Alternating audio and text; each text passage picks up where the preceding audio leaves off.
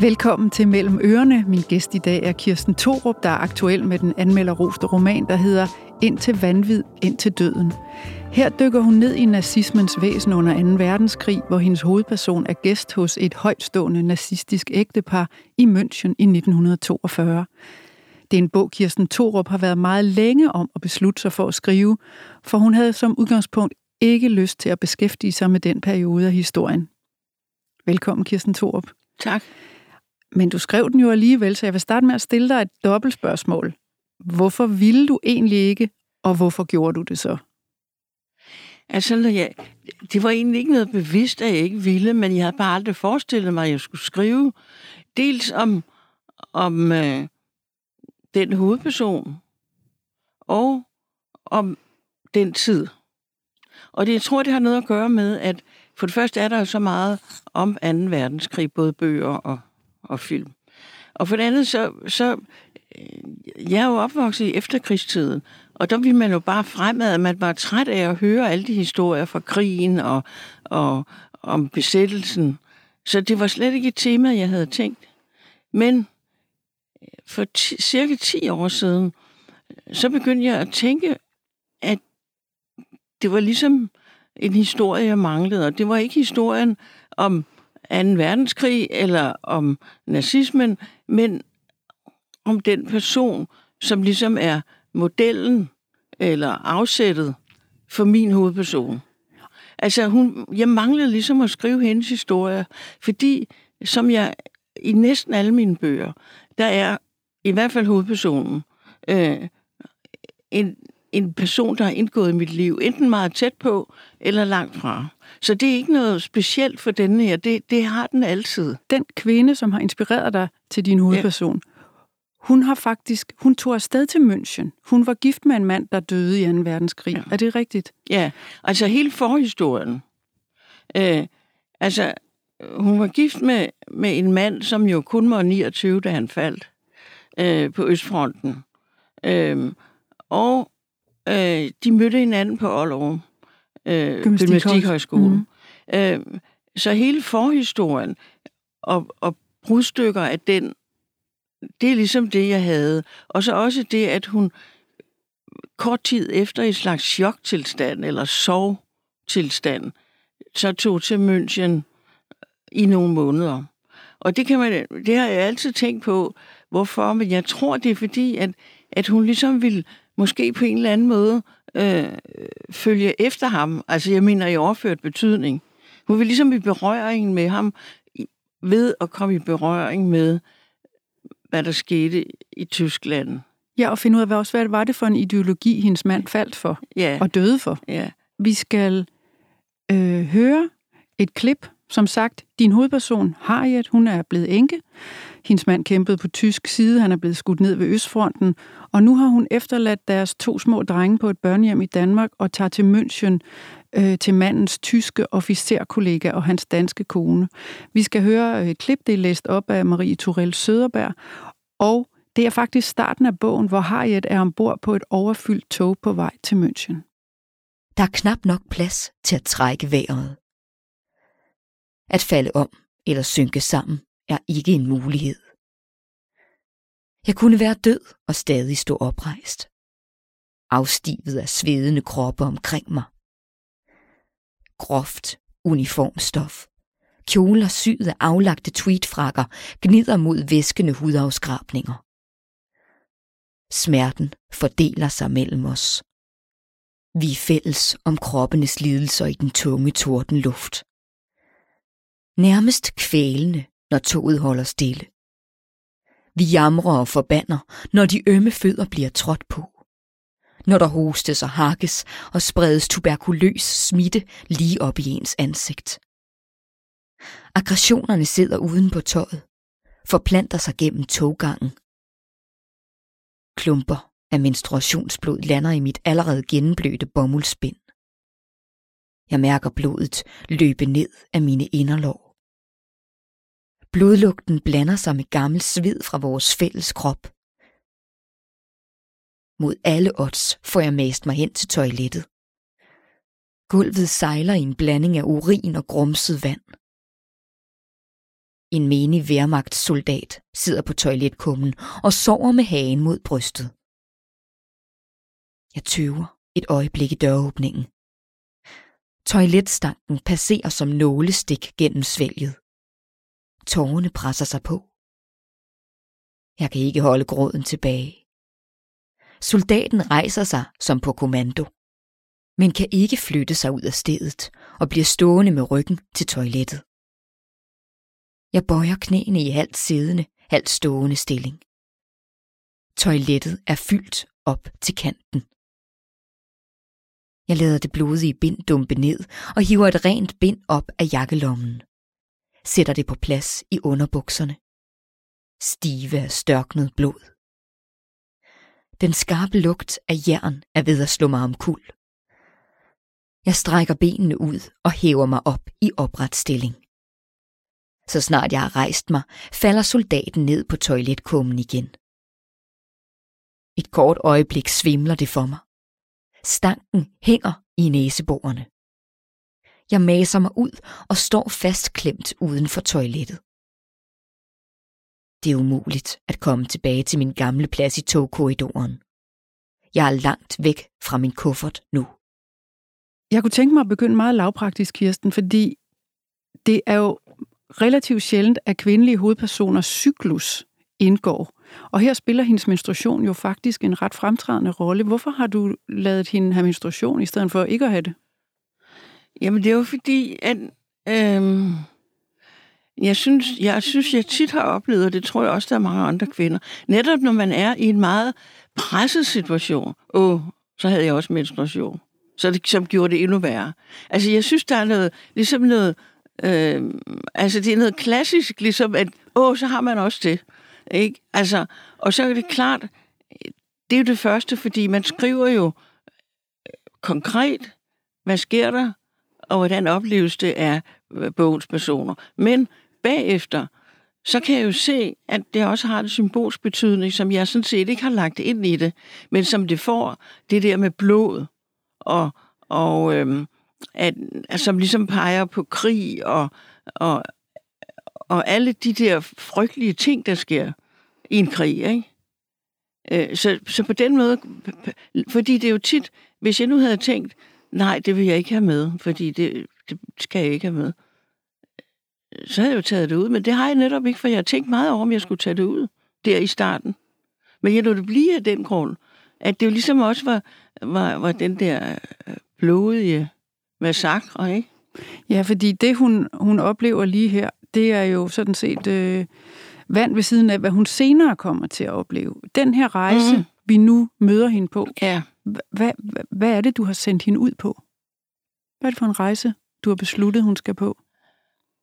Ja, altså, det er en rejse, som jeg egentlig føler, mens jeg har skrevet bogen, at jeg sammen med hende tager ud på. Fordi jeg var jo ikke helt klar over, hvad hun har oplevet dernede i virkeligheden. Den kvinde, jeg, du kendte? Nej, ja. Mm.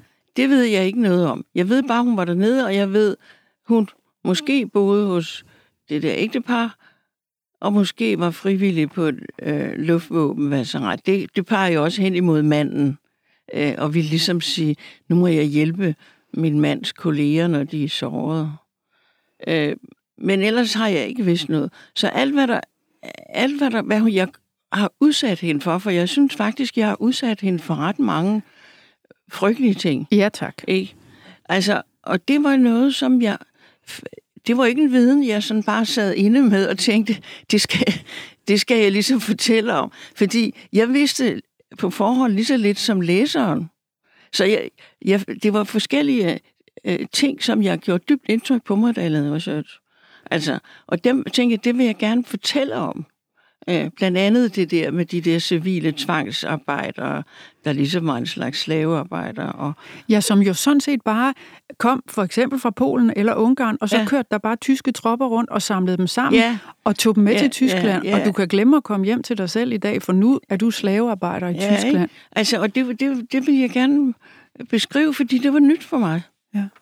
Øh, og så var der, der var selvfølgelig også andre temaer, ikke? Altså, at den der trods alt den der meget undertrykte modstand, der var mod regimet, eller passiv modstand også, som det enkelte individ kan have, midt i al den der tilbedelse af Hitler, og, og det var nærmest som, altså nazismen var nærmest som en sekt, ikke? Altså, øh, men alligevel var der forskellige undertrykte modstand. Og de ting, du gerne vil vise, det udspiller sig jo på den scene hos det ægtepar, som højtstående nazistiske ægtepar, som hedder Claus og hans danske kone Gudrun. Vil du ikke meget kort lige tegne et billede af, hvad det er for et hjem, har jeg træder ind i, og hvad det, hvad det rent faktisk er, der foregår? Altså, det er jo, det er jo et... Øh, det er jo et overklasse hjem, kan man sige. Ikke? Altså den nazistiske overklasse. Fordi øh, luftvåbenofficerer og luftvåben i det hele taget havde en meget høj prestige i underkrigen. Øh, så derfor har de mange privilegier i forhold til den almindelige befolkning. Altså, de kunne købe øh, sort. De kunne få alt faktisk, ikke? hvis der var, hvor der var forsyninger fra alle de besatte lande, som Tyskland nu øh, havde erobret. Øh, og så, så var der jo et hierarki, fordi der var de der civilarbejdere, der var en få del af dem, øh, unge kvinder, som, som blev øh, tjenestepiger i de lojale topnazistiske hjem. Og der er også et par stykker. Ja, der er et par stykker der. Her. Og de bliver alle sammen bare kaldt Ludmilla. Det, det er jo også en måde at dehumanisere ja, folk det er jo en på. måde ligesom at gøre dem anonyme og ikke individer, men bare en del af en stor gruppe, som jo alle, der kom fra Sovjetunionen og Polen, de blev betragtet som undermennesker. Og, og derfor så, så, hvis man gør det, hvis man har den der rangordning inden for et samfund, så, så kan man jo ligesom behandle folk, som det passer ind, fordi det er jo ikke mennesker ligesom os andre, vel? De har ikke de samme følelser og sådan noget. Det siger hun jo også, ikke? Gudrun. Så derfor så, øh, så, er det, så er det en skildring af, hvad det kan føre til at have det menneskesyn, hvor der er nogen, der er mere værd end andre, og hvis liv er mere værd end andres. Øh, og, og jeg synes, der er jo passager i din bog, som er tunge at læse, fordi der er så stort et fravær af medmenneskelighed og næstekærlighed, og der er så meget angst, og det er så dehumaniseret, det der foregår. Og bogstaveligt talt, så Ludmillerne bor i kælderen og mm. bliver behandlet simpelthen så dårligt. Øh, især under en animeret fest, der bliver holdt, mm. øh, som er virkelig, øh, det må jeg sige, Kirsten, det er, øh, det, der, der skal man lige tage luft ind, mens man læser, mm. hvad der egentlig foregår i hjemmet der. Øh, altså, det, det her bygger jo på det, du har opdaget under din research. Yeah. Nu forudsætter jeg, at du har synes lige så ubehageligt, som jeg synes, det er at læse, lige så ubehageligt har det jo været for dig at finde ud af alle de her ting, om den måde, man øh, behandlede folk på i i det nazistiske regime. Det ubehag, hvad gjorde du ved det? Jamen, øh, det er jeg nødt til at fortrænge. Fordi øh, det er jo også, en, det er, altså, det er også, indgår også i skriveprocessen. Fordi det ubehag, jeg har, og chok faktisk mange steder, også med andre ting i bogen, øh, det er det første indtryk, jeg har. Og så er det så, så, så ligger det ligesom, og så, så bearbejder jeg det. Altså, ubevidst. Og hvis ikke, jeg, hvis ikke jeg kan det, så kan jeg ikke skrive om det. Fordi jeg skal jo ligesom... Jeg kan jo ikke, jeg kan jo ikke ligesom beskrive mine egne følelser. Fordi øh, historien har jo ligesom sin egen lovmæssighed.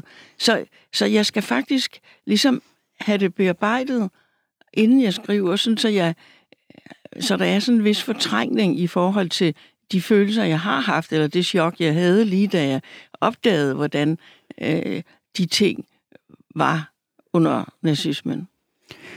Udover deres øh, syn på de civilarbejdere, man kan jo øvrigt også synes, at at kalde tvangsarbejdere og tvangsdeporterede øh, faktisk slaver og kalde dem civilarbejdere, det er jo også den groveste ja. manipulation. Ja. Øh, men, men udover at finde ud af, hvilken fuldstændig forfærdelig tilværelse de måtte henslæbe hos højtstående nazister for eksempel, og i alle mulige andre sammenhæng, hvad gjorde ellers øh, mest indtryk på dig i den research, du lavede? Øh, det gjorde, altså, som også er et tema, som også indgår i familien, eutanasiprogrammet. Altså, det at du, det at, og det er det samme menneskesyn, det at svage mennesker, eller mennesker med handicap, eller mennesker, børn, der er født med en eller anden genetisk fejl. Altså alle mennesker, som ikke er supermennesker, de har faktisk ikke ret til at leve. Det er jo det, der ligger i den filosofi. Det gjorde også stærkt indtryk på mig. Det synes jeg var øh, så forfærdeligt. Og det, fordi man ved det jo godt, at det var sådan, men det er bare, når man dykker ned i detaljerne, fordi djævlen ligger jo i detaljerne, hvordan foregår det, og hvad er forudsætningerne. Altså, det der med, at man også ligesom lavede de der drab på børn, som havde øh, medfødt sygdom under fødslen, øh, det havde jeg faktisk ret svært ved at, at kapere. Altså, jeg, det, det, det, det synes jeg var meget svært. Så derfor har jeg jo kun berørt det også indirekte. Skal jeg vi... har ikke ligesom gået ind der. Nej, og måske skal vi ikke afsløre det. Nej. Vel? Nej, vi skal ikke, nej, vi skal ikke sige noget om det, fordi nej. du berører jo faktisk lige præcis den problematik mm. i familien, men det, ja. vi vil ikke sige noget om det, nej. for det er faktisk nej, en spoiler, ja. synes jeg. Har Jet, hun rejser ud og hjem. Hvad er det, du gerne vil give os læsere med hendes historie?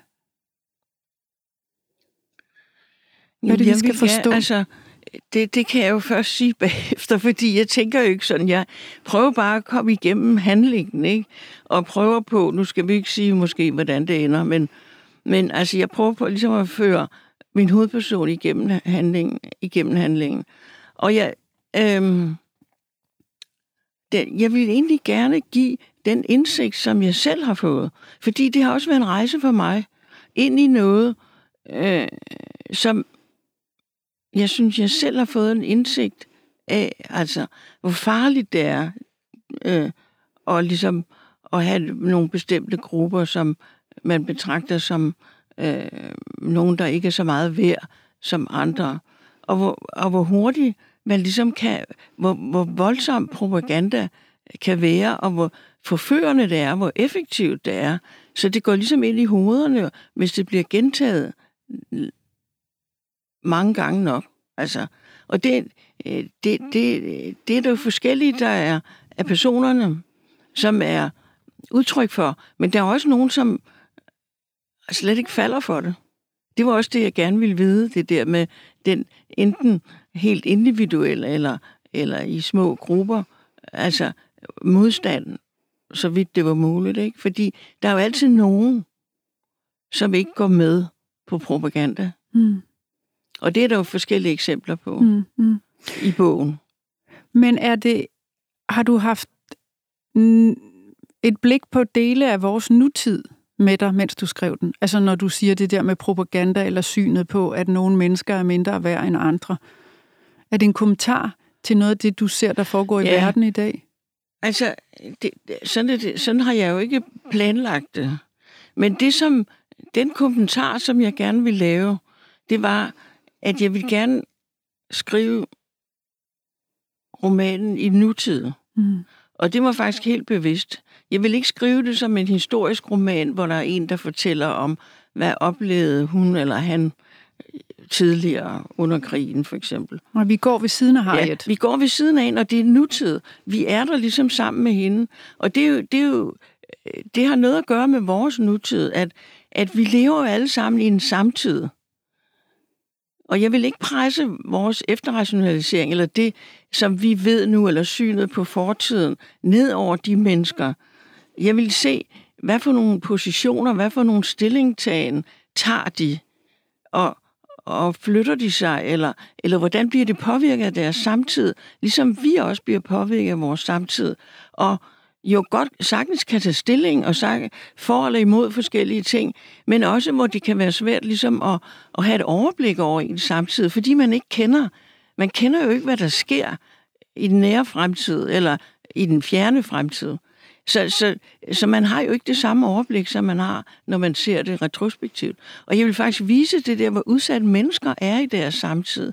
Og også, at man kan ligesom tage forskellige øh, synspunkter og, og øh, så måske, øh, at man tager fejl. Altså, jeg vil, jeg vil se, hvor sårbar man er. Jeg vil vise, hvor sårbar man er i sin egen samtid. Og selvfølgelig meget, når det er sådan en kraftig ideologi, som nazismen er. Ja, det var interessant, hvis nu Hitler var lykkedes med sit forhævne. Hvad var det så for en historie, der var blevet skrevet? Hvordan ville vi så kigge tilbage på ja. øh, det, ja. der foregik i 2. verdenskrig? Ja. Det, det ville jo være væsentligt ja, og, og afgørende. Det, og det er jo i virkeligheden, altså det er jo et grundvilkår, men det er vel også det, der er det forbandet. Man kan aldrig overskue sin samtid. Nej, det kan man ikke. Og, øh, og den, altså nu, nu er det i efteråret 42, og det var lige før krigen vendte jo. Ja, her Fordi, går det stadigvæk godt. Ja, altså i hvert fald på overfladen, mm. ikke? Mhm. og i propagandaen, for det var jo begyndt at vende, men det måtte man De jo slet ikke godt. engang nævne. Nej. Så fik man hugget hovedet af. Men altså, det, det var et godt tidspunkt at beskrive det, fordi der, der kan man se, at, at, at der er stadigvæk den der forførelse, og, og, og ligesom det der med, at, at man gerne vil være på vinderens side, ikke? Altså, og det var det jo. Og så var det så i februar 42, eller 43, så, så vendte det jo. Men altså, er der noget, hvor du øh, kigger på vores samtid og tænker, her tror jeg, vi er ved at blive forført af noget? Altså, det er nok det tema, som vi har været inde på nogle gange. Det der med, at man ligesom har... Øh, altså, det, det handler jo om, om øh, frygten for fremmede, eller frygten for udefra kommet indvandrere, eller flygtninge, eller asylansøgere. Det er i hvert fald en, en parallel, som man kan drage, ikke? Altså, at, at man ligesom betragter dem som en anden slags mennesker, og de, de har ikke de samme øh, de, de har ikke de samme øh, som os. Altså, de, de er nogle andre typer mennesker. En anden art nærmest, ikke? Og det synes jeg er farligt. Fordi det handler jo om øh, empati. Man skal jo ligesom... Altså, øh, man må jo forudsætte, at, at vi alle er mennesker. Det er jo også Harriets ligesom udgangspunkt. Og det er jo derfor, hun kommer i splid med sig selv. Ikke? Hun kæmper jo hele tiden med sig selv. Fordi hun kan jo godt se, at det her, det er ikke godt. Og så er hun fanget på den anden side i sin, altså i den kærlighed til sin mand, fordi det, der driver hende jo, altså først og fremmest, det er jo kærligheden til den mand. Det siger hun jo også mange gange. Altså, det er virkelig en kærlighedshistorie på den måde, ikke? Ja. Nu har du sagt flere gange undervejs, jamen det vidste jeg jo ikke, da jeg startede, eller du er ligesom gået forlæns med din historie, ja. og nu er du så på den anden side af det, og kan vende dig om. Nu er du, nu er du ude af din skrivemæssige samtid, Kirsten Thorup. Så nu kan du måske vente om og kigge lidt på den som et færdigt, afsluttet kapitel. Mm. Hvad ser du så? Eller er det for tidligt? Ja, altså... Altså nu, øh, i forhold til, at jeg var meget i tvivl om, jeg skulle kaste mig ud i det, så er jeg faktisk glad for, at jeg har gjort det. Mm. Altså, jeg er glad for, at det har lykkedes mig altså, at skrive den historie. Øh, det er sådan set den følelse, jeg har, jeg har tilbage. Og også fordi, som jeg, altså, at, at jeg synes, det var, altså den person, øh, manglede ligesom at skrive om. Det fandt jeg jo ud af. Mm. At jeg kunne ligesom ikke komme videre, uden at beskrive hendes skæbne. Vi, vi talte faktisk sammen i går, så sagde jeg, kan, jeg ikke, kan du fortælle, hvem hun er? Og så sagde du, nej, jeg kan ikke fortælle dig, hvem det er. Og det er jo, det er jo så fair nok, men hvorfor kan du egentlig ikke sige, jamen det var hende og hende, og jeg kendte hende på den Nå, og den men måde? Det, det er der flere grunde til.